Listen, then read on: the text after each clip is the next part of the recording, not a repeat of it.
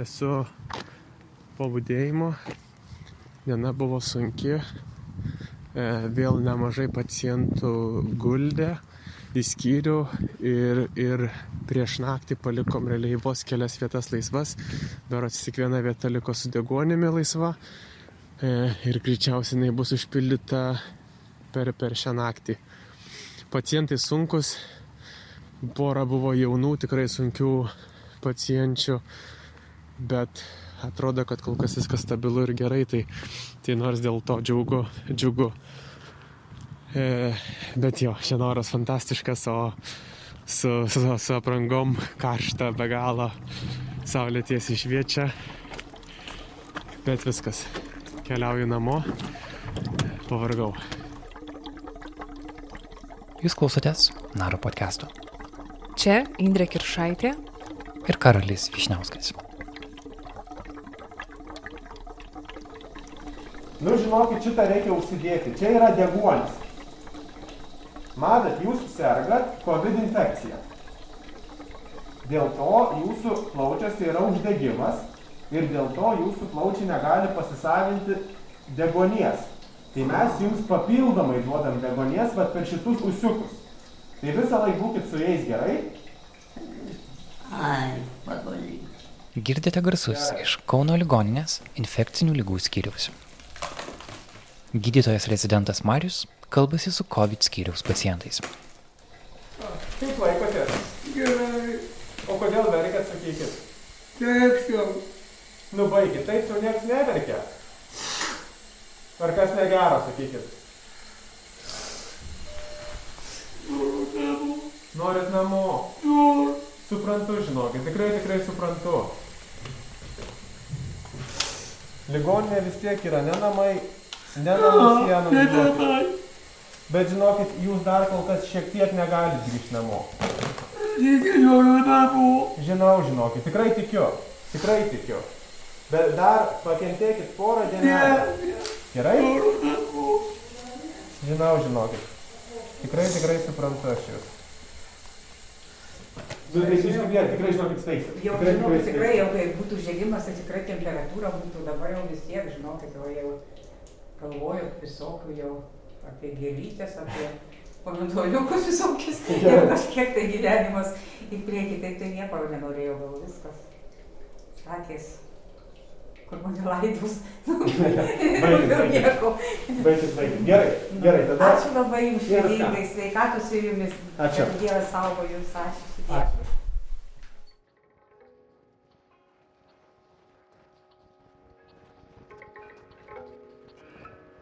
Praėjusiu metu vasario 28 dieną koronavirusas Lietuvoje užfiksuotas pirmajam žmogui. Per šį laiką užsikrėtusiųjų skaičius pasiekė beveik 250 tūkstančių. Dauguma šių žmonių pasveiko, tačiau 3916 mirė.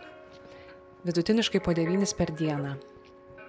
Dalis su COVID pacientais dirbančių gydytojų su mirtimi susiduria kiekvieną dieną. Ir tai turi savą emocinę kainą. Vilniaus universiteto psichotraumatologijos centro apklausos duomenimis 43 procentai medicinos darbuotojų jau pandemijos pradžioje galvojo apie profesijos keitimą. Praėjusią vasarą sunku ir vidutinį stresą patyrė pusė visų apklaustųjų medikų, 43 procentai jų teigia, kad kenčia sunkia ir vidutinė depresija, o trečdalis jautė nerimą. Maždaug vienas iš keturių medikų darbė patiriamai įtampai įveikti rinkosi alkoholį.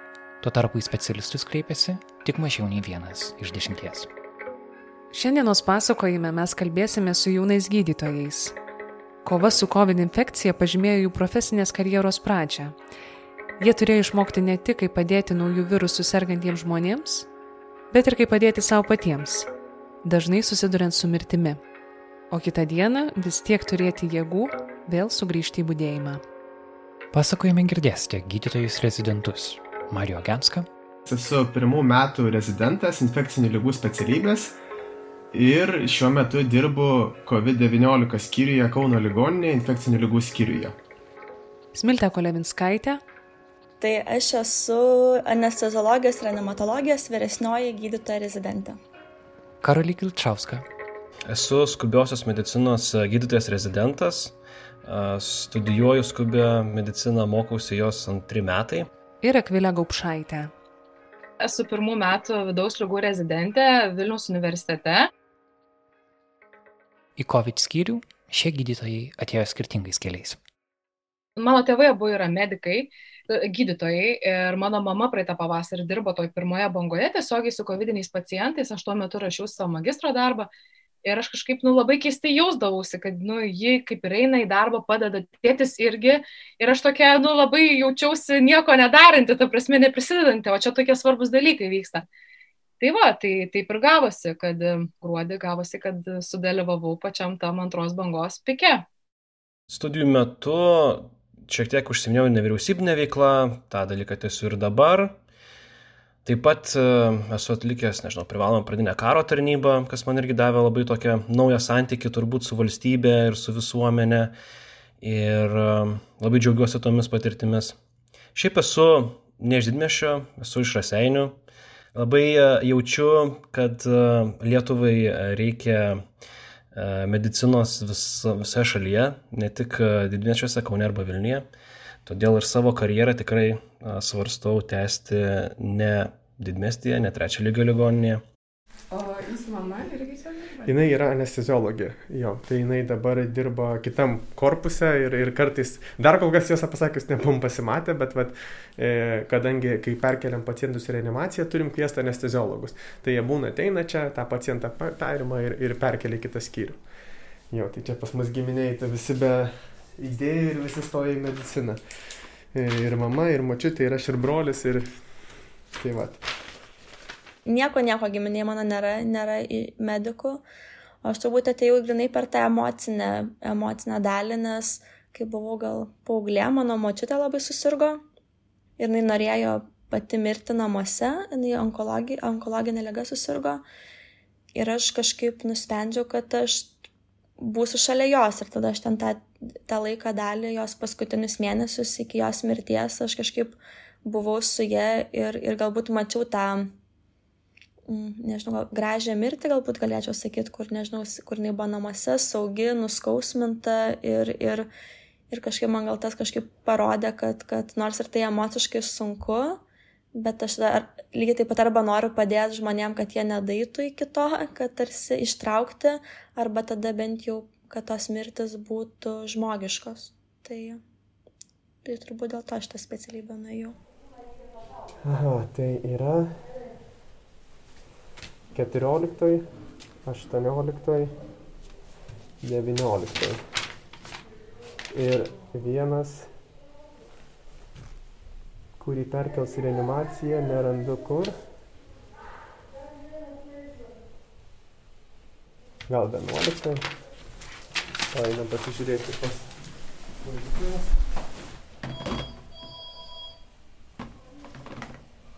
Tarkim, anksčiau žiemą pacientai buvo dažniausiai, sakyčiau, taip apie 60 metų, toks vidurkis galbūt sakyčiau ir vyresni.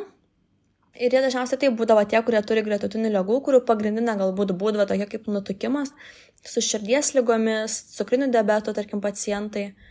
Dėja, dabar mes gauname, atvyksta pas mus pacientai, kurie yra normalaus kūno sudėjimo, kuriems yra 30 ir 40 ir 50 metų, kurie yra neturintis gretutinių lygų ir kurių eigos yra kartais daug staigesnės ir blogesnės, tai palyginus, tarkim, kai buvo žiema. Tai galbūt šitos yra, yra atmainos, kurios šiek tiek ta, keičia tą šiek tiek eigą Tai ir tas yra šiek tiek sunkiau, kai, kai tikrai gauni žmogų, kur, kur gydyti, kuris yra, atrodo, kuris įklausia, tai, nu, bet kodėl aš susirgau, ir tu jam negali pasakyti, nes jis tikrai yra sveika, iki tol buvęs visiškai sveikas žmogus. Nu, mes žinom ir mes tebe žinom, kad e, jaunam žmogui susirgti arba, arba persirgti, nors yra lengvesnė forma, arba iš vis yra sudėtingiau susirgti. Tai tokia bent jau man atsakomybė kaip jaunam gydytojui, kaip rezidentui, jinai labai jautėsi, nes yra ligonėse daug vyresnių kolegų, kuriuos aš tiesiog būdamas jaunesnis galiu apsaugoti savo buvimu ir savo pareigų kaip gydytojas atlikimu. Tai iš esmės tas frontas jisai tikrai nu, buvo labai stipriai atstovimas jaunų gydytojų. Čia būna slaugytojų postas, Čia mes dažniausiai sėdim prie kompiuterių ir va čia toks yra mūsų skyrius. E, tai čia yra vienas aukštas. Turim tik tais antram aukštą pusę, vieną pusę, nes kita pusė yra ta švari pusė, kur visi ir, ir sukamės. Yra trečias aukštas visiškai pilnas, ketvirto aukšto yra irgi pusė. Iš viso šiuo metu turim 75 lovas, turim penktą aukštą paruošę atidaryti, jeigu būtų daug pacientų, jau yra duotas įsakymas, kad jeigu reikia atidaryti, E, tai vad kol kas dar išsiverčiam su šitom, išleidžiam, gaunam naujų, bet jeigu reikės, jau kaip sakant, viskas yra suruošta.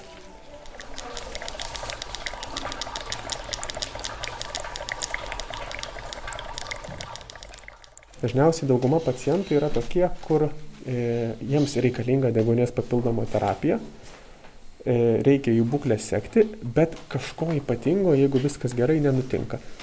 Tai va, tai ir iš tikrųjų, nu, vis tiek tie pacientai yra tokie, kur visas gydimas suskirtas, tiesiog reikia laukti, žiūrėti, kad, kad nepradėtų blogėti ir, ir kol tas pradės gydimas veikti. Viena iš dažniausių komplikacijų tai yra plaučių embolija. Ir jeigu vat, ypatingai pradeda skustis krūtinės skausmų, staigių dusulių, va tokių, tada iš karto keli klausimai, iš karto tada dažniausiai jau ir darai tyrimus, ir, ir kompiuterinę tomogramą veži. Vėl viskas labai sudėtinga, nes mes turim mūsų sarkofagą, taip vadinama, e, į kurį, kadangi pacientą vežam per švarę pusę, mes turim įkelt pacientą čia, jį uždaryti, važiuoti į lauką, liftu nusileidžia į lauką, tenais privažiuoja vairuotojas, pacientą perkeliam į mašiną, su mašina važiuojam į kitą korpusą, ten pacientą į... į o, ateina vedėjas, anesteziologijos, labai piktas šiandien. Jo, tai va, tai visas procesas perkelimo gana, gana sudėtingas yra.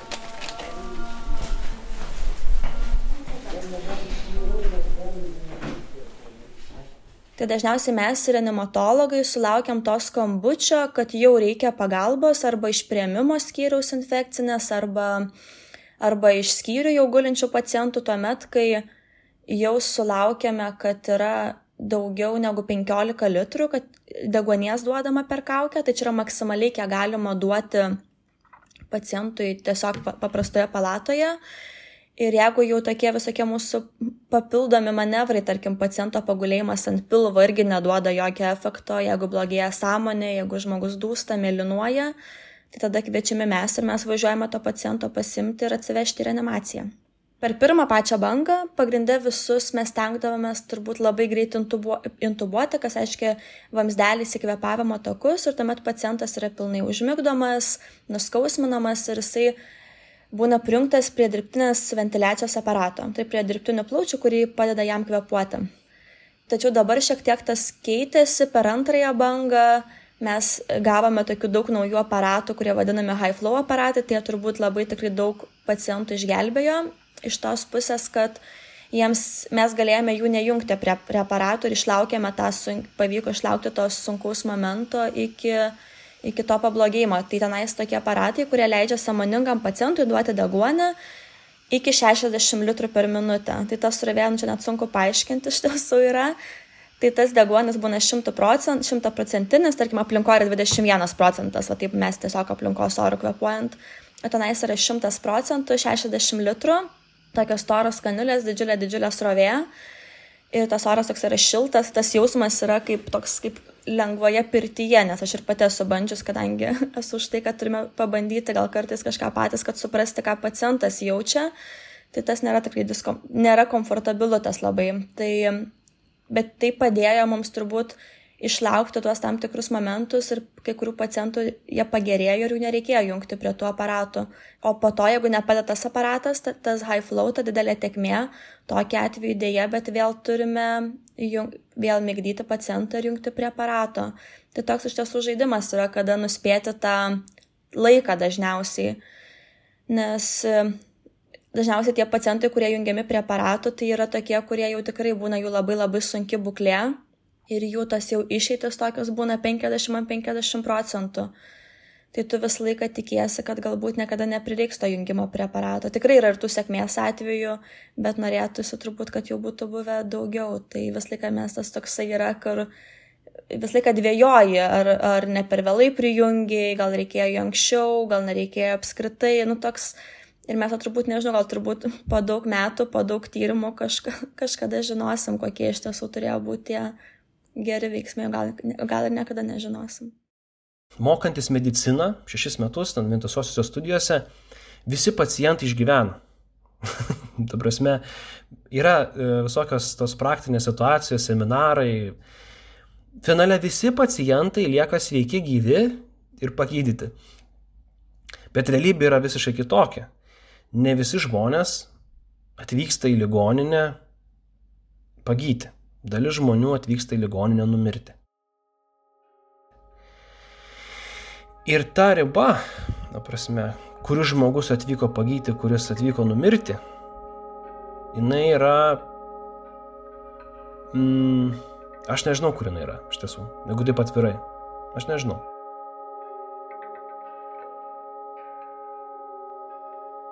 Ar buvai anksčiau, prieš darbą su COVID, susidūrusi su mirtimi apskritai savo kažkokioj praktikoje? Savo praktikoje kaip gydytojas tai ne. Kodėl va, tai buvo šiek tiek tokia, žinojau, kad čia visko gali būti. Tokiuose, kad mano akise žmogus numirtų, dar nebuvau mačiusi. Tai va, teko sočiai pamatyti. Buvo, tarkim, viena pacientė, kuri, a, ji, ji mirė, bet aš tiesiog po to, kai aš, nu, aš, aš, ten, aišku, mes bandėm padėti visai ir panašiai. Ir po to, aš nežinau, ar tai buvo jos fiziologinė tiesiog reakcija, kad skyščiai išeina, bet tiesiog atrodo, kad jinai buvo apsiverkusi. Ir, nu, tai tiesiog kažkaip tas mane labai paveikia, kad žmogus, nu, tu ne visada, aš žinau, kad aš ne visus tikrai galėsiu išgelbėti, tą, nu, aš tą suvokiau jau tikrai, nes, nu, kitaip čia visiškai galvą padėsi pats, bet atrodo norisi žmogui padėti išeiti nu, neskausmuose ir apskritai ir, ir kiek įmanoma, nu, komfortabiliai, jeigu galima tai pasakyti, kad nu, žmogus jis yra vienas, jis yra svetimoji ligoniniai, nėra artimųjų jokių. Ir, ir toksai, nu, kažkaip, nežinau, man ta, tada, vat, tos ašaras pamačius, man vat, kažkas lik trūko viduje. Turbūt niekada anksčiau nebuvo, kad būtų mirę, tarkim, keturi per vieną būdėjimą. Tai tokį turėjau per COVID. -ą. Neturėjau tokio iki tol. Ir tada tu grįžti iš to būdėjimo. Pamiegi ir vėl į būdėjimą. Iš tikrųjų, iš pat pradžių, sakyčiau, gal netoks yra savotiškai pasimetimas, nes, nes nesupranti, kas vyksta ir, ir, ir tikrai ypatingai, sakykime, gruodžio mėnesį, sausio mėnesį, kada ta situacija buvo labai bloga e, ir, ir tada tų mirčių tikrai buvo ne viena, ne dvi per dieną ir, ir tiesiogiai mes realiai sakydavom, kad diena ar būdėjimas buvo geras, jeigu nebūdavo ne vienos mirties. Deja, bet tokių dienų tikrai nebūdavo daug vėlgi, mirtis, aš sakyčiau, galbūt neligu mirčiai. Galbūt ir negerai taip sakyti, bet tokia yra realybė, kada yra pacientai vyresnio amžiaus su daug gretutinių lygų, sakykime, jau yra po insulto ir galbūt paskutinius porą metų jau buvo slaugos ligoninėje ir tokio paciento mirtis, jinai buvo labiau tikėtas, sakykime. Ir būna kito tipo mirtis, jeigu galima tai pavadinti, kada yra absoliučiai jauno amžiaus e, dėl, sakykime, komplikacijų COVID, plaučių embolijos, kada pacientė, kaip pavyzdys, jau turėjo važiuoti į namus ir jos sūnui buvo paskambinta, kad jis gali atvažiuoti pasimti mamą. Ir tada viskas nutiko be galo staigiai, e, iš kito pastato reanimacija net nespėjo atvykti, gaivinimas, gaivinimas nesėkmingas ir tada reikia skambinti sūnui, kad pasakyti, kad, nu žinokit, mamos nepasimsit jūs jau aš kažkaip galvojau, kad aš tokia turiu imunitetą tam, nu, čia, čia, va, iš nepatirties atsiranda toks mąstymas ir suvokiau, kad, nu, ne, vis tiek turiu save labai žiūrėti. Vis tiek buvo, buvo didelis šokas, kai irgi buvo viena pacientė labai ilgai gulinti ir neganėtinai stabili buvo ir dvi dienos prieš kalėdas jai labai labai pablogėjo ir nu, mes negalėjom jos išgelbėti. Ir um, kažkaip tada jau grįžau ir, ir taip, nu, galvoju, okei, okay, dabar jau reiktų biški gal net atsitraukti, jau net kokių kelių dienų laisvų kažko, nes, nu, jau kažkaip sunku darosi. Ir sakau, kai esi įėjęs to tokia, kad aš galiu, aš sugebėsiu, ir kita organizmas sako, nu, gal dar nebūtinai, arba biški lėtesniais tempais, sakau, nu, toksai biški šokas būna.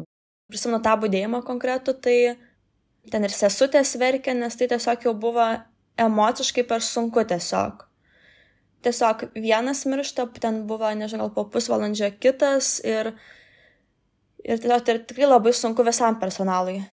Gruodžio pradžioje buvo jau tas atvejis, tarsi buvo taip, kad aš namuose verkiau. Ir man buvo labai labai sunku. Ir tai buvo toks mano persilaužimo momentas, kada, kada man reikėjo būtinai susitaikyti su ta, kiek įmanoma susitaikyti su ta situacija, tiesiog kurioje aš esu. Ir daryti viską, ką aš galiu tiesiog tuo metu įmanoma geriausia. Tai buvo tokių situacijų, kur iš tikrųjų, nu, ta lyga tokia, kad vieną dieną mes kalbame, viskas tvarkoje, kitą dieną žmogus jau mato, kad jis labai greitai nublogėjo per naktį, trečią dieną jisai jau yra miręs reanimacijoje. Ir kai tie pacientai praleidžia skyriuje ne vieną dieną, bet ten kelias, savaitę ir panašiai, tu nori, nenori, užsimesga tam tikras ryšys, ir tai yra normalu, tai yra žmogiška. Ir tiesiog gaila labai. Prasme, tiesiog buvo labai labai labai gaila, kad uh, kad, kad taip nutiko, tiesą sakant, nes e, tuo metu pritrūko, at, pavadinkim, kažkokios e, degonės tikimo įrangos, kada buvo galima, galbūt, galbūt, galbūt, aš nežinau, aš negaliu pasakyti šimtų procentų, bet galbūt būtų padėję, tarkim, ten vienu ar kitu atveju, jeigu mes būtumėm turėję tos įrangos porą savaičių anksčiau. Nu ir tada pradedi svarstyti tiesiog, nu ką, ką tu galėjai padaryti kitaip, nes, bet žmogaus jau aišku nebėra. Aš neneigsiu, yra ir tas kalties jausmas kai ypač tuo pačiu įkarščiu, tu atrodo, nu, tu kaip ir dari, ar tu tikrai padarai viską, ką tu galėjai, ir tu suvok, kad tu padarai viską, ką tu galėjai, nes tiesiog, nu, tu, tu, kad ir skambini tą reanimaciją ir tu pasakai, bet tiesiog dėl visų gretutinių lygų, dėl bendros labai sunkios būklės, nu, nepadės ta, būtent nepadės ta reanimacija tam pacientui jau irgi.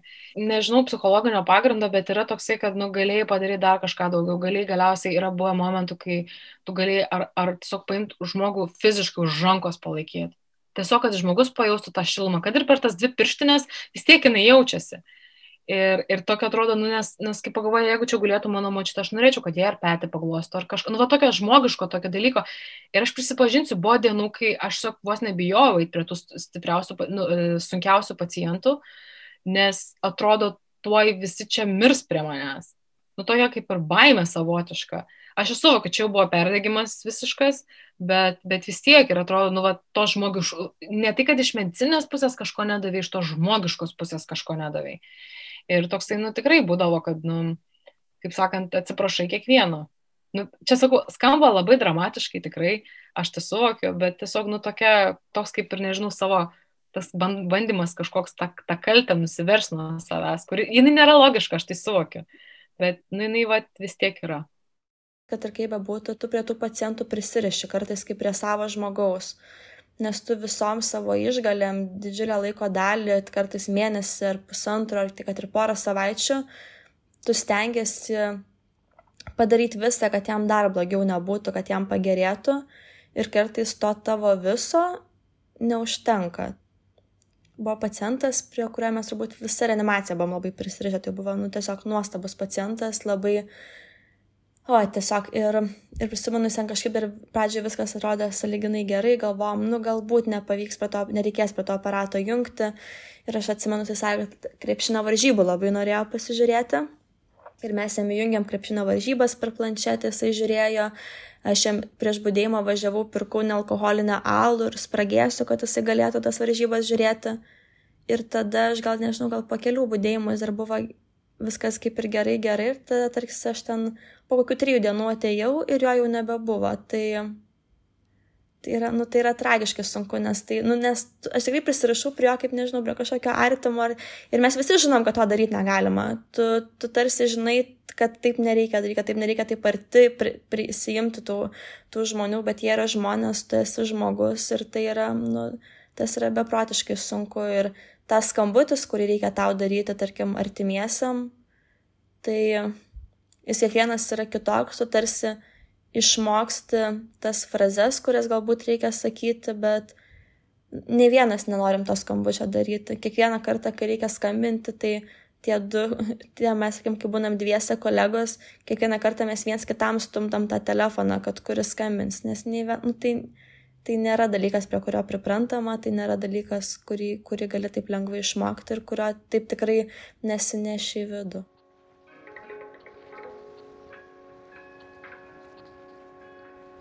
Tai Daktarė, palauk, mums dabar jūs nieko nepasakokite, kada bus į paskui surašyta, tada mes viską atliksim. Bet tai daktarė su tuo zu zondu, nes tada jeigu zondu mes turim jas Ir fiksuoti. lašelinė, pažiūrėkite, į metodindozolis, ciproksimas leidžiasi, kaip mes tai per zondą?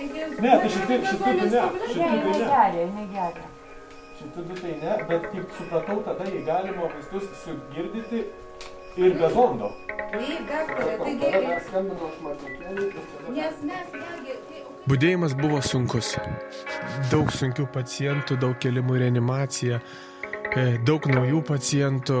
e, Tiesiog atrodo nesupranti iš, iš kur. Atrodo, ką tik buvo ir, ir tikrai pikta banga ir daug pacientų prasirgo, daug pacientų paskiepytų ir, ir jau kaip ir turėtų būti gerin viskas. Bet šiuo metu vėl skyrius pilnas. E, ir, ir grįžtam į gruodžio sausio mėnesio scenarijų. Tai liūdna ir, ir klausimas, ką mes, ką mes darom ne taip.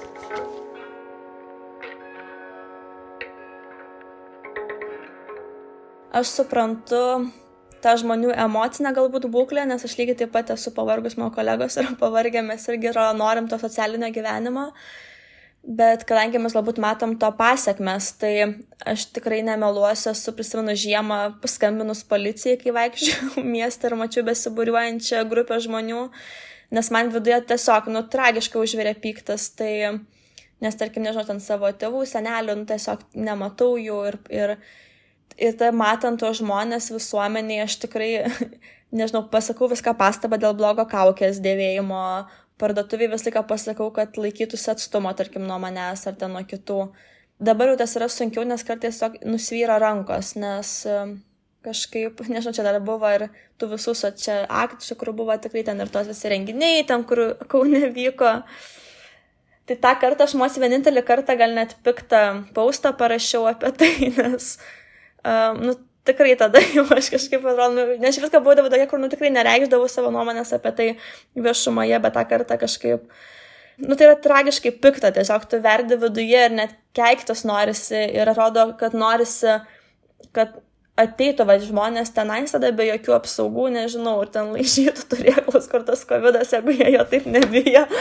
Bet tas pikta labai, nes ir, pažiūrėjau, aš tokiam pati išinu pasivaikščiot, patenku į tą masę žmonių, tada sėdu atgal ir mašiną ir išvažiuoju iš ten, nes tarsi, nu, man pačiai rodo, aš ir paskiepėta esu, bet, bet vis tiek aš, aš dar bijau, nes, nu, nes tas skiepas, ypač, sakim, dabar esant atmainom, tai jis yra labai geras, bet vis tiek ta rizika minimali, bet yra. Tai kažkaip tas žmonių, nežinau, nesamoningumas, aš tikrai pilnai suprantu, kad, kad, kad visiems jau labai norisi ir kad tikrai tas emoc, ta visa emocinė būklė visų yra tikrai labai labai sunki. Bet atrodo, nu dar, dar šiek tiek pakentiekit, dar šiek tiek.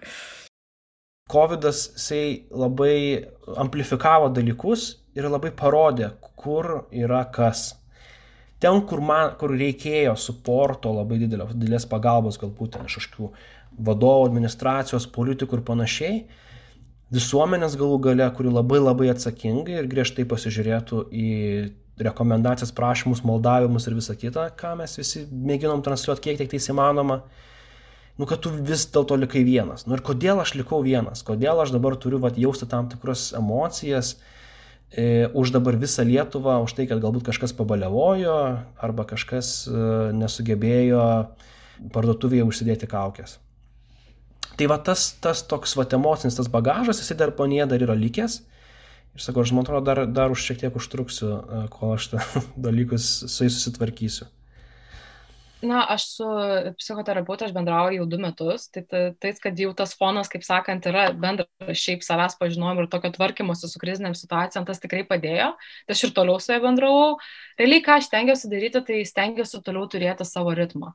Ne kad gulėti, dien, kad atrodo, norisi miegoti tiesiog visą dieną ar, ar gulinėti, nieko nedaryti, bet ir palaikyti pastovų uh, sporto režimą, uh, kuo tikrai labai džiaugiuosi. Uh, ta, ta prasme, gal pasakysiu tiek, kad ir kaip norint nebendrauti su žmonėm, kaip tik su jais bendraudau. Tarsi su savo draugais kažkokiais, kad atrodo norisi pasislėpti šiek tiek, pabūti vienai.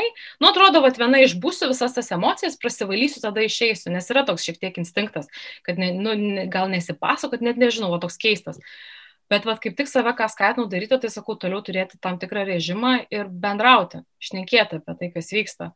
Nes sakau, gal ne su visais žmonėmis, nu, nes nu, tikrai ne visi supranta ir ne visiems reikia tai suprasti, bet yra žmonių, kurie taip patys pergyvena ir, ir kažkaip nu, neužsisklęsti.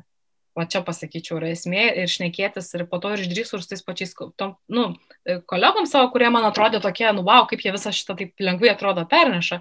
Nu, aiškiai pasakyti, kad, nu, man jau per daug šiek tiek darosi ir kad, nu, yra kaip yra ir pačiai savo pripažinti. Pasakyčiau, tiek nevaidinti didvirės. Tai aš asmeniškai einu pas psichoterapeutę, tai aš tikrai to labai džiaugiuosi, nes, nes kažkaip, man gal dauguma mūsų dar labai apie tai bijo šnekėti, bijo apie tai kalbėti, nes tai gal dalinai dar yra stigmatizuojama.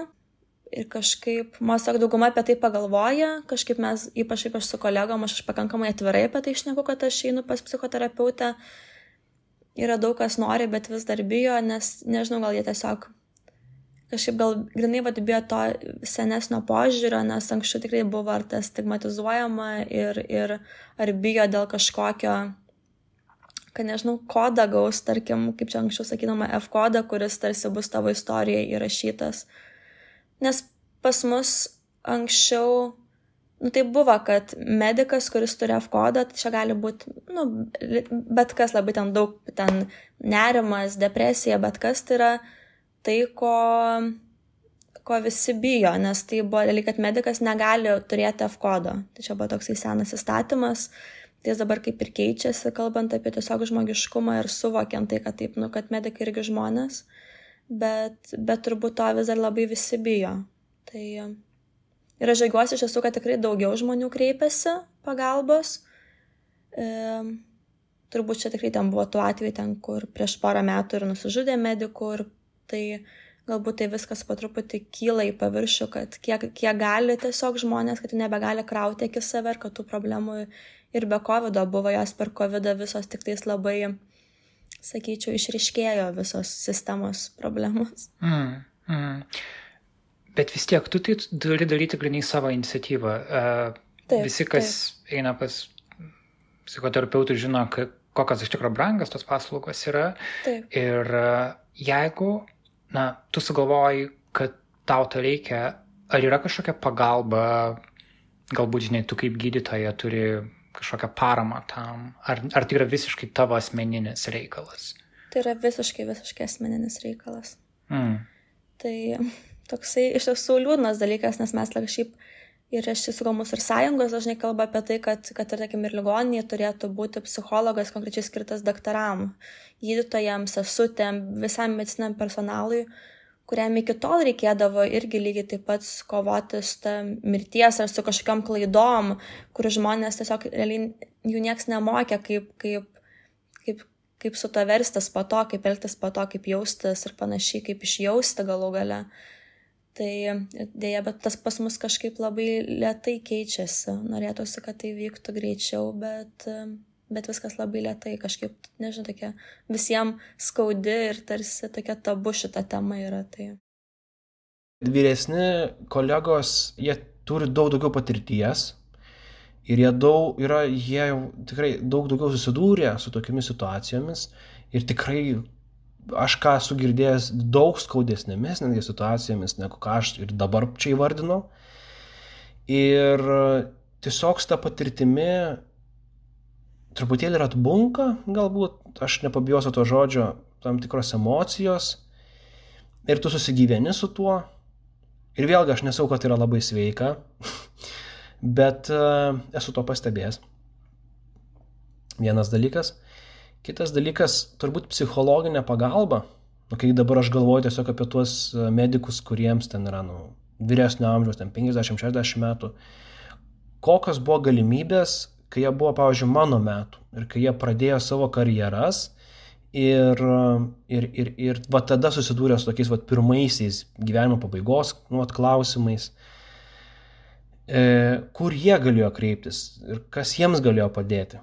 Tai man atrodo, kad ir tada, kada buvo labai labai labai laikas jiems tą daryti, jie neturėjo tokių galimybių, kiek turim mes. Kita vertus, kitas dalykas yra, kad vis dėlto jaunas kolega, jisai ima pavyzdį iš savo vyresnio mokytojo. Ir vis dėlto, ką jam patars tas vyresnis mokytojas, turbūt taip ir elgsis tas jaunas kolega dažnu atveju. Jeigu yra tikrai tas, tas tikras mokytojo ir mokinio, mokinio ryšys.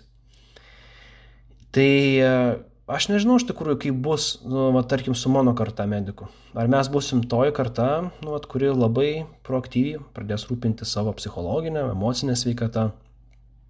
Galbūt mes perimsim kažkokius nelabai gerus pavyzdžius ir iš vyresnių kolegų. Mūsų neruošia to, mūsų nemoko, kaip su tuo kovoti tikrai nemeluosiu, kad mūsų dauguma mūsų yra perdegę, aš tikrai pati buvau perdegus labai, kai man jau mano tikrai artimi žmonės sakė, nu, kad tu jau nebepanašiai save. Bet tiesiog mes turbūt dauguma tiesiog kažkur kraunam viduje į save, nes, nes daugiau niekas mūsų kitaip nemokė. Bet, bet rimtai nėra ne vieno kurso per šitiek metų, kiek jūs mokotės, nėra tiesiog elementarios elementaraus kurso, kaip tvarkyti su mirtimi, kuri tikrai ateis jūsų darbė, jeigu jūs šitą specialybę pasirinkot. Deja, bet nėra. tai mes kažkaip buvom kalbėję apie tai, tai mes gal kažkurį vieną kartą, aš atsimenu, kad turėjom seminarą, nes pakalbėjom su jaunesniais gydytojais, kurie jau yra gydytojai ir sakėm, kad mums šito trūksta. Elementariai mes gal kalbėjom apie tai, kad mums trūksta, kaip kalbėti su artimaisiais, kaip pranešti tą sunkę žinią.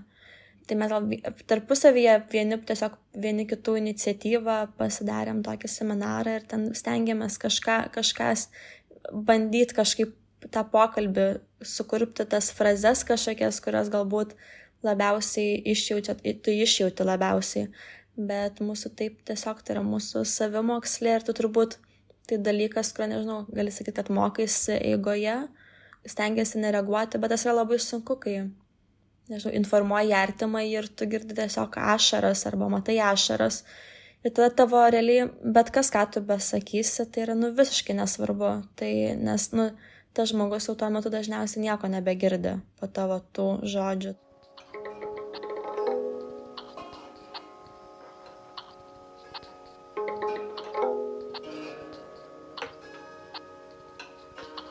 Aš pavadėjimo kažkoks tragiškas budėjimas, atrodo visi išpratėjo, krūva naujų pacientų, seni blogėja.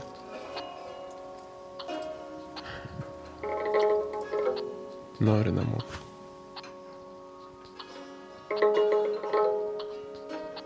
Jautėme, kad šiam pasakojimui reikia ir žvilgsnio iš šono, Žmogaus, kuris turėtų didelę patirtį stebėdamas mūsų visuomenės emocinę būklę ir suprastų, ką patiria gydytojai susidurdami su mirtimi. Eugenijus Laurinaitis, Vilniaus universiteto docentas ir vienas psichoterapijos pradininkų Lietuvoje, yra toks žmogus. Paskambinome jam per pertrauką tarp jo konsultacijų.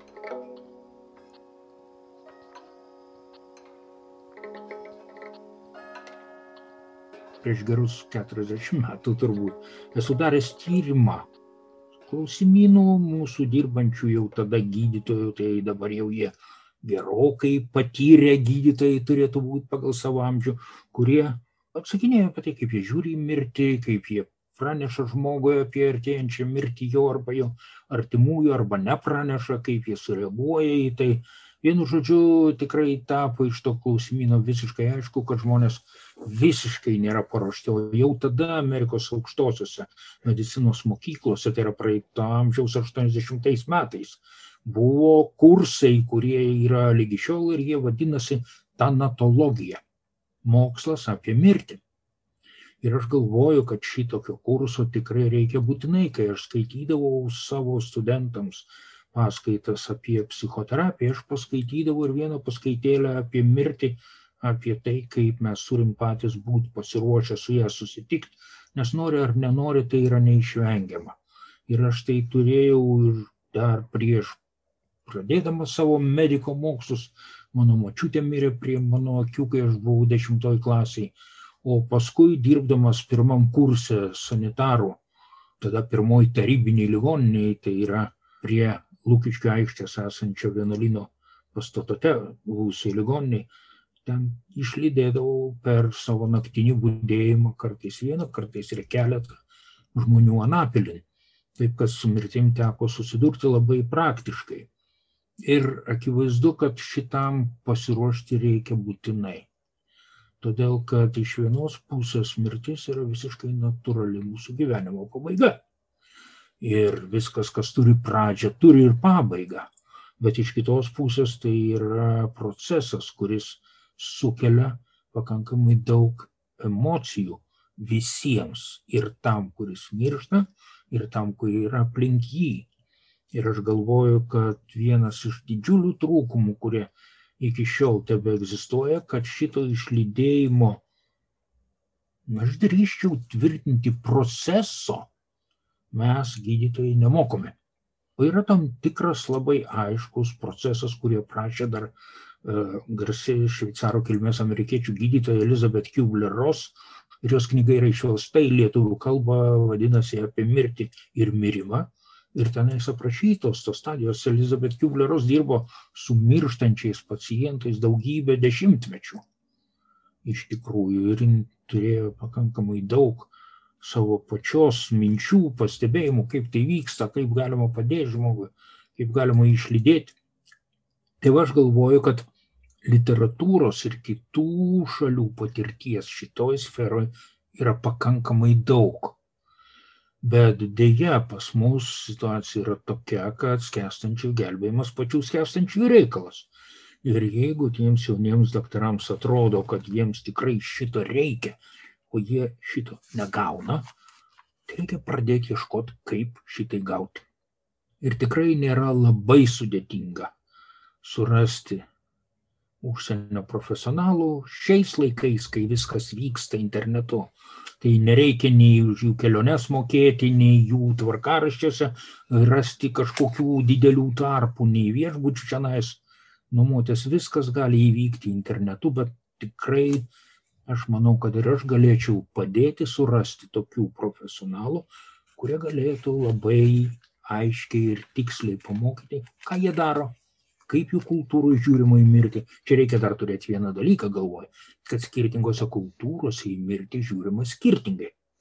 Mm. Ir pavyzdžiui, jeigu kalbėtumėm apie skirtumą tarp protestantiškosios ir katalikiškosios kultūros, kaip elgiamasi, nu, tai aš buvau iš tikrųjų truputį šokiruotas, kai su mūsų katalikiškąją šermenų kultūra, praudojimo kultūra, išbuvimo su mirusiuoju tam tikrą laiką.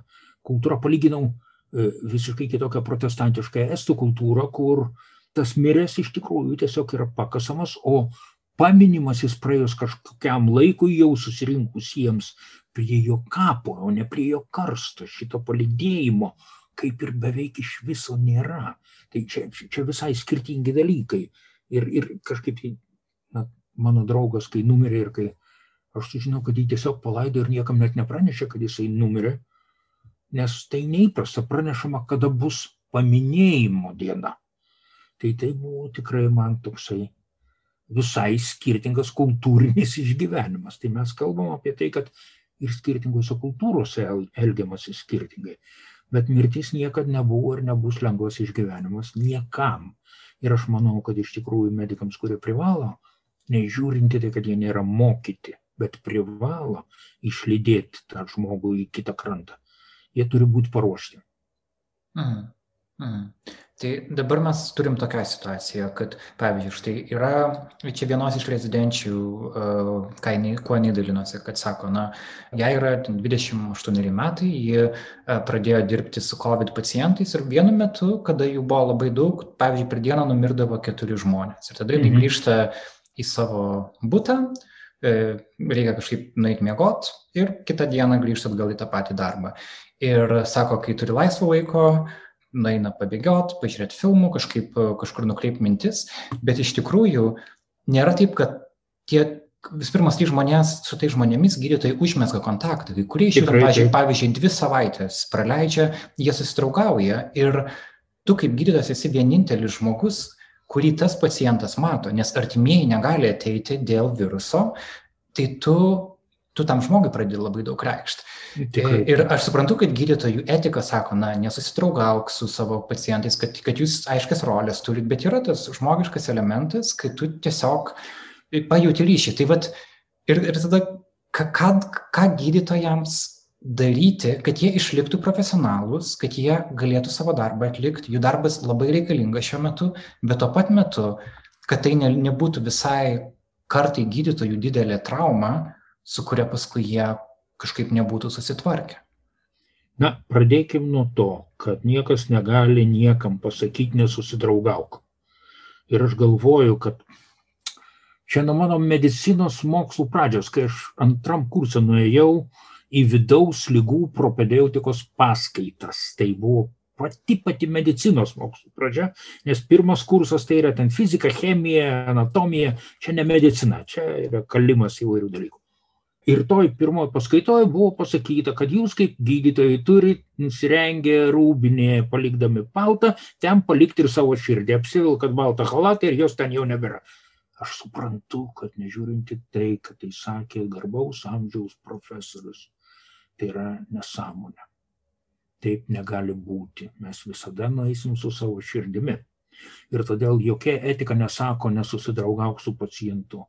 Įvyksta tas, kas įvyksta ir mes negalim tapti mechaniniais robotais be emocijų. Jeigu tikrai norėsim šito, tai robotus japonai mums greit pagamins, kurie žino informaciją geriau už mus, diagnozuoja geriau už mus, gydymą skiria geriau už mus ir neturi jokių jausmų. Man bus įdomu pažiūrėti, kas norės gydytis tokiuose ligoninėse. Tai grįžtant prie to, kad nei jokia etika negali liepti nesusidraugauti, įvyksta tai, kas įvyksta, reikia išmokyti žmonės atsisveikinti. Nes mes visą gyvenimą su kažkuo atsisveikinam. Mes atsisveikinam su jaunystė, mes atsisveikinam su pirmą meilę, mes atsisveikinam su nekaltybė, mes atsisveikinam su iliuzijomis apie amžiną į gyvenimą, su daugybė dalykų mes turim išmokti atsisveikinti ir su žmonėmis, kurie tapo svarbus, kurie buvo įdomus, su kuriais aš kalbėjausi. Irgi reikia išmokti atsisveikinti. Ir tai yra iš tikrųjų dalis to, kiek aš esu susitaikęs su savo paties mirtingumu. Ir kai jūs sakote apie 28 metų rezidentę, tai iš tikrųjų jai atrodo, kad galvot jai apie savo pačios mirtingumą, apie savo pabaigą kada nors ateisinčią. Yra visiškai dar nelaikas, pats laikas džiaugtis gyvenimu, bet tai tada jai trukdo išlydėti jos pacientus. Ir aš galvoju, kad mokyti šitų dalykų tikrai reikia. Ir aš galvoju, kad reikėtų turėti tokį kursą, kuriame šitie rezidentai ar studentai turėtų galimybę įsijausti, pabūti su savo kažkokiu skausmu apie baigiamumą mano būties, apie tai, kad iš tiesų amžinybė yra tik tai iliuzija, apie tai, kad aš esu tik vienas iš tų, kurie baigėsi ir šitame nėra nieko ypatingo ir nieko netikėto. Ir iš tikrųjų aš atsisveikinu su gyvenimu taip, kaip aš jį gyvenau. Tai čia yra dalykai, kurie yra nu, tokie bendri, taip sakant, bet juos reikia išgyventi kiekvienam asmeniškai ir emocingai, ne intelektualiai. Aš žinau. Nu ir kas, kad tu žinai. Nieko tai nekeičia. Tai reikia išgyventi ir tada, kai žmonės išgyvena, jie lengviau supranta ir atjaučia kitus. Per jūsų profesinę patirtį Ar gydytojai dažnai kreipiasi pagalbos? Nes lyginant su skirtingom profesijom, e, jeigu tu esi gydytojas, pavyzdžiui, reanimatologas, tu tiesiog mirtis yra tavo kasdienė palidovė. Tai ne tas pats, kas dirbti, pavyzdžiui, e, kad ir bet, mano atveju žurnalisto darbas. Kartais tu kalbi su žmonėm, kurie yra labai sudėtingoje socialinėje situacijoje, kurie patys išgyvenę skausmingus e, potyrius, tu esi arti, arčiau tos kančios. Bet jeigu tu esi gydytojas, kartais tu esi pačiam centre. Ir atrodo, Tikrai, kad tau, tau turėtų būti vos ne privaloma tam tikra pagalba, kad tu galėtum šitą darbą reguliariai, na, kažkaip sveikai daryti. Bet štai aš žiūriu naują tyrimą, tą, kur jums e, buvau atsintęs nuorodą irgi, mhm. sako, kad pagal jį 23 procentai gydytojų nerimą ramina alkoholyje, tuo tarpu tik 8 procentai ieško profesionalo pagalbos. Tai tai yra neramu. Ir kaip jums atrodo, kokia jūsų patirtis? Mano patirtis yra šiek tiek dinamiškai besikeičianti. Per praėjusius savo maždaug 40, na, nuo 78 metų psichoterapinės praktikos metus, aš tikrai gydytojų turėjau gal ant vienos rankos pirštų suskaičiuojama, o dabar per paskutinius metus, būtent pandemijos metus, pradėjo gydytojai kreiptis pradėjo vis dažniau skambinti ir sakyti, kad jiems reikalinga pagalba. E, skaičiuoti negaliu, bet jau per šitos metus tikrai daugiau negu dešimt mano kolegų kreipėsi. Bėda yra ta, kad to, kad šitos pagalbos medikams, ne tik gydytojams, bet ir slaugytojams, tikrai reikės, pirmi suprato ne jie, o psichologai. Psichologai, kurie nedirba toje institucijoje ar toje sistemoje, bet kurie turi apsišvietusią kažkokią tai dėstytojų kartą, literatūrą, kurią lengvai skaito. Ir jų iniciatyva buvo suorganizuotas toksai tinklapis Medo, kurio pagrindinis uždavinys buvo padėti medikams ir jų artimiesiams šitos krizės laikotarpiu ir per pirmas keletą savaičių į tuos savanorius konsultantus užsirašė virš 150 profesionalų. Aš užsirašiau irgi man pasakė, kad aš per daug kvalifikuotas tam tiesioginiam darbui, kad aš padėčiau tiems, kurie padės. Tai ir būčiau jų supervizorius, tų, kurie dirbs. Buvo įsivaizduojama, kad tikrai bus darbo su sunkiais e, emociniais išgyvenimais, kur ir patiems pagalbininkams reikės pagalbos. Deja, savanorių buvo virš 150, o norinčių per pirmą mėnesį buvo vos daugiau negu 10. Ir iš tikrųjų tai, ko gero, rodo vieną iš labai svarbių ir skaudžių mūsų medicinos pasaulio tokių nesąmoningų gal vertybių. Gydytojai nesarga. Ir tai yra netiesa. Gydytojai yra lygiai tokie pat žmonės, bet jeigu jie naudojasi šitą iliuzinę tiesą, kad jie nesarga, tai jie užtęsia savo lygas. Jie jas atneša jau savo kolegoms, kada jau patys visai niekaip nebegali savo padėti. O tai kaip taisyklė būna iš tikrųjų uždelsti atvejai. Ir jeigu mes kalbam apie psichologinės bėdas, tai čia jau be jokios abejonės gydytojas privalo visada savo sugebėti pasitvarkyti tas savo emocijas pas. Ir tai netiesa. Jis yra toks pat žmogus iš tokio pat molio drėbtas kaip bet kuris kitas. Ir nuo to, kad jis turi daugiau techninių žinių apie žmogaus kūną ir jo funkcionavimą, nepadaro jo atspariu stresams ir emociniams išgyvenimams. Visiškai. Dar netgi atvirkščiai padaro truputį mažiau apginkluotų, jeigu jisai neigia, kad jis iš vis tuos jausmus turi. Ir todėl aš galvoju, kad turėsime tikrai labai nemažai medicinos profesionalų, kuriems tos visos psichologinės traumos išlys vėliau. O išlys gali įvairiais dalykais. Vienas, kurį jūs pasakėt, tai yra kompensacija per kažkokias cheminės medžiagas. Lengviausia alkoholis, bet kas klausia šitų daktarų, ar jie naudoja žolę, ar jie naudoja heroiną, ar jie naudoja morfijų, ogi jis jiems prieinamas. O juk šitos cheminės medžiagos yra iš tikrųjų irgi sumažinančios negerovės išgyvenimo lygį.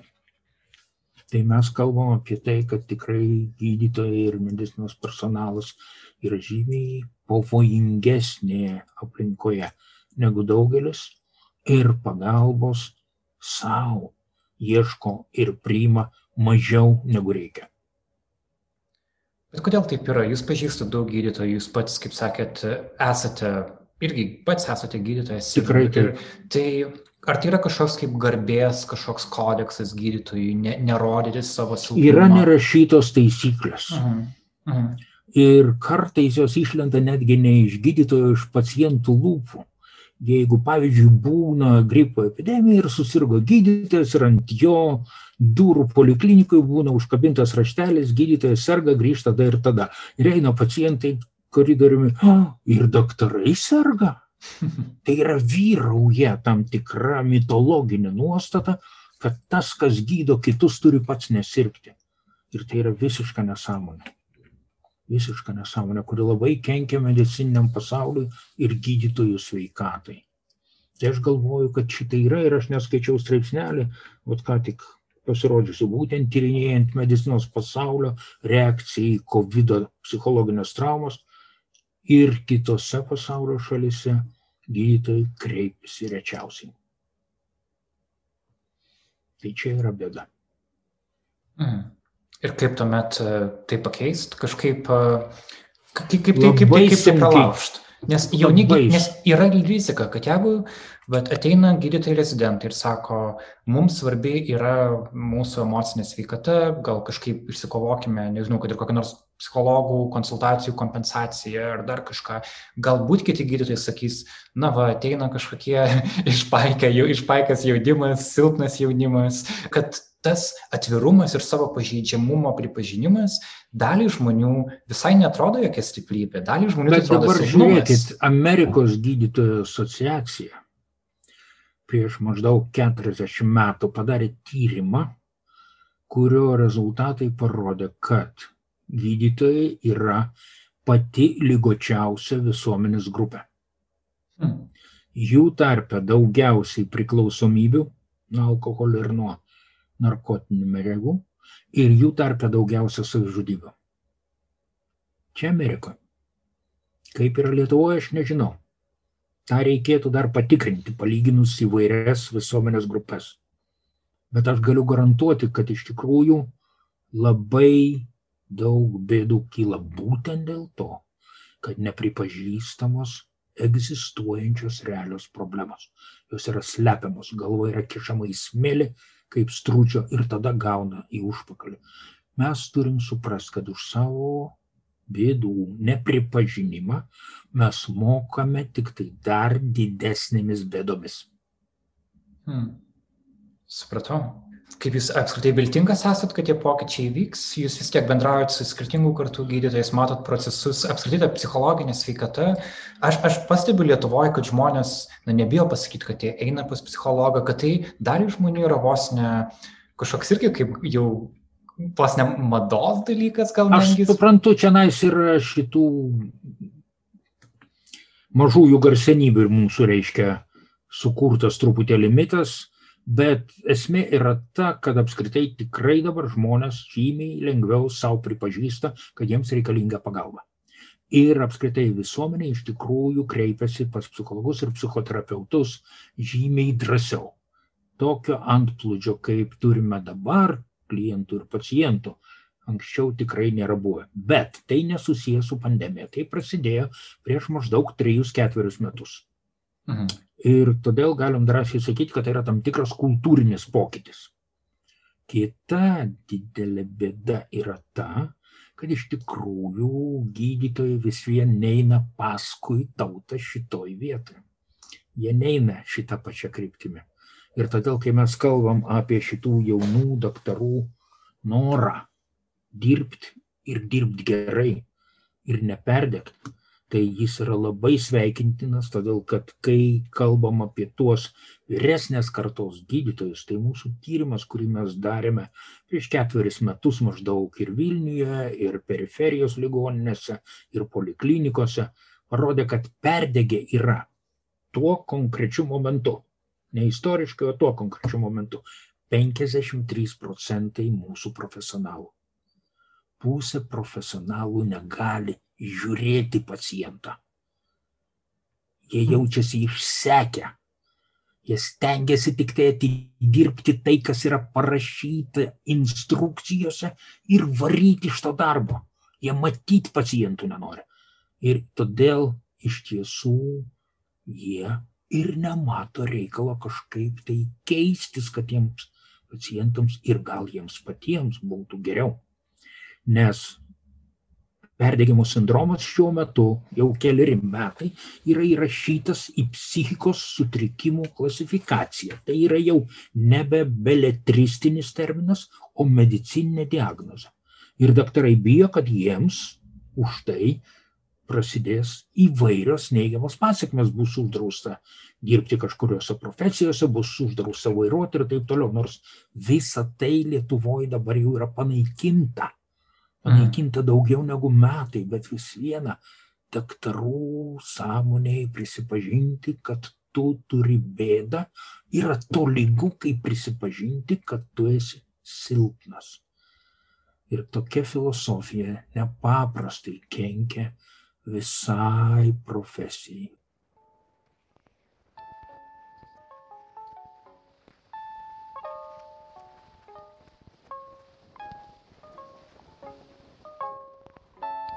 Ok, paskutinis dalykas, kurį manau svarbu paminėti, yra tai, kad e, gal žmonėm taip gali atrodyti, kad aha, tu esi jauna gydytoja, tu esi moteris gydytoja ir dėl to tau emociškai sunku.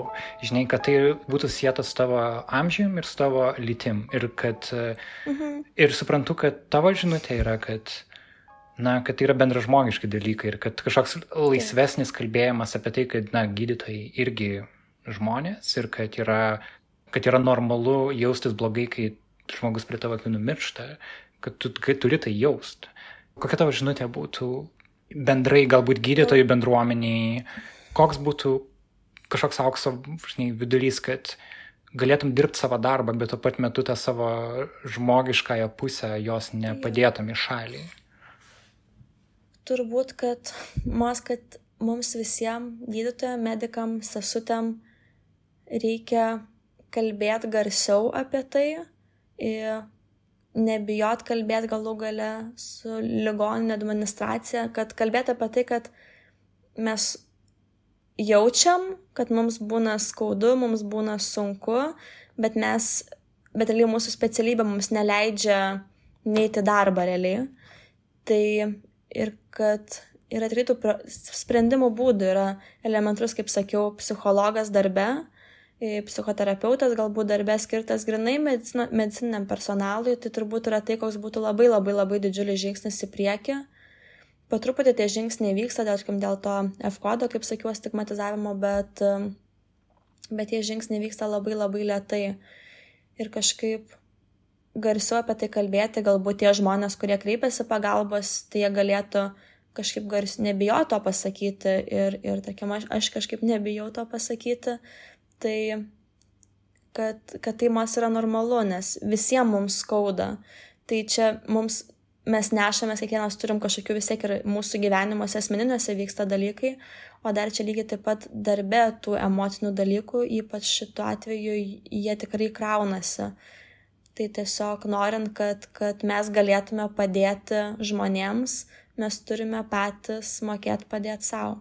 Tai turbūt tiek mes turėtumėm medicinoje, universitete nevengti skaudžių temų. Tikrai nėra nuo ko saugoti medicinos studentus, pavyzdžiui. Jau medicinos studijose tikrai turi būti ta vieta, kada žmonės pradeda ruoštis darbui su mirštančiais pacientais. Su kokiamis mintimis pasitinki tai, kad gegužė ir vėl teks dirbti tau su COVID? Su tuo, kad, nu, pirmas klausimas buvo, ar sugebėsiu, kad bus vėl išbandymas, nes aš į COVID jau kaip ir savotišką išbandymą. Ir tai, kad, na, galbūt, kad būsiu skyriuje, kur bus galima, nu, jau maksimaliai padėti tiem pacientam. Nes paprastam skyriuje, nu, tu gali daug padaryti, bet jau reanimacija yra aukščiausia, kaip sakant, lyga. Tai pamatyti, kad, nu, kaip ten viskas bus ir, ir, ir pamatysiu tada pilną tą tokį pandemiją, nu, ta prasme, sakant, pilną ratą savotiškai apsukusi. Ir um, šiaip tai šiek tiek yra nerimo, kaip, kaip sakau, kaip, kaip vėl teks tvarkyti su tomis mirtimis, bet aš suvokiu, kad, nu, ir aš patys einu kitokią galvą, jau šiek tiek palsėjusi ir su šiek tiek tam tikrą susigulėjusią patirtimi. Nu, vat, pažiūrėsim, kaip čia bus ir tikiuosi susitvarkysiu. Manau, kad susitvarkysiu.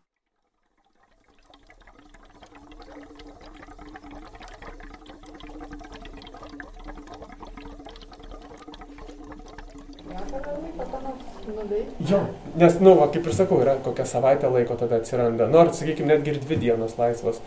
Tai, tai jau tą dieną po būdėjimo dažniausiai kažko per daug neveikti, jau tada tik tais miegot, pailsėti arba nu kažką minimaliai serialai.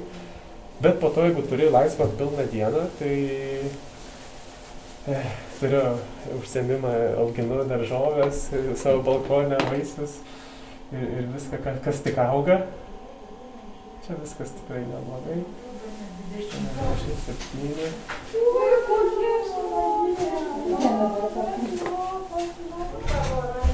Ir dar turėjau kitos moteriškės pažiūrėti nuotrauką rengino.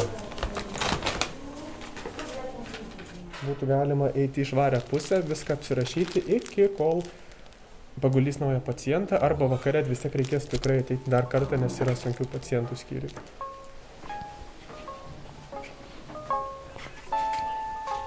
Gerai. Aha.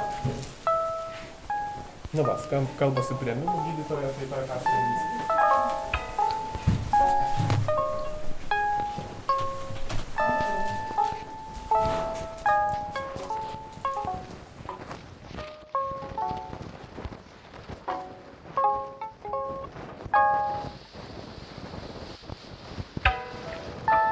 Toks mūsų epizodas šiandien. Ačiū, kad buvote kartu. Mes norime padėkoti kompozitoriai Vitalijai Glovackytei, kurios kompozicijos We Are for a While ištraukas girdėjote šiame pasakojime. Kartu su dokumentika paruošėme didelę fotografijų galeriją. Berta Tilmantaitė fotografavo Kauno ligoninės infekcinių lygų COVID skyriuje. Ačiū skyriaus vedėjai Estelai Tamašauskieniai ir ligoninės vyriausiajam komunikacijos specialistui Sauliui Tvirbutui už tai, kad mus įsileido. Pamatykite šias fotografijas Nara LT. Kviečiame pamatyti ir kitus pasakojime kalbėjusius gydytojus. Juos fotografavo Karolis Pilypas Liutkevičius, Severina Venskutė ir Mindaugas Drigotas. Taip pat ačiū Kristinai Norvainytei iš jaunųjų gydytojų asociacijos. Ji pirmoji mus informavo apie šią svarbę temą. Ačiū Erikui Vasiliauskui už pagalbą ieškant pašnekovų. Medo LT yra pagalbos linija gydytojams startavusi COVID metu, apie kurią pasakojo ir profesorius Laurinaitis. Čia medikai gali gauti nemokamą psichologinę pagalbą. Šis pasakojimas iš dalies finansuotas aktyvių piliečių fondo. Nara nuolatinis finansavimas užtikrinamas jūsų per Patreon platformą, kiekvienam klausytojui skiriant jūsų pasirinktą pinigų sumą. Mūsų adresas ten yra patreon.com pasvirasis brūkšnys Nara LT. Ačiū visiems ten prisijungusiems. Taip pat priminame, kad gegužės trečioji yra paskutinė diena, kai galite skirti 1,2 procento gyventojų pajamų mokesčio nevyriausybinėms organizacijoms. Mūsų organizacijos pavadinimas yra Dokumedija su K raide, o mūsų kodas yra 303-506867. Ačiū visiems, kurie skiria savo mokesčių dalį mūsų žurnalistikai palaikyti. Mes visada laukiame jūsų minčių apie narą medžiagas. Parašykite mums į narą etanarą LT ir apie šį epizodą. Šį pasakojimą rengėme mes, Karolis Višniauskas. Ir Indrė Kiršaitė. Likit sveiki. Iki.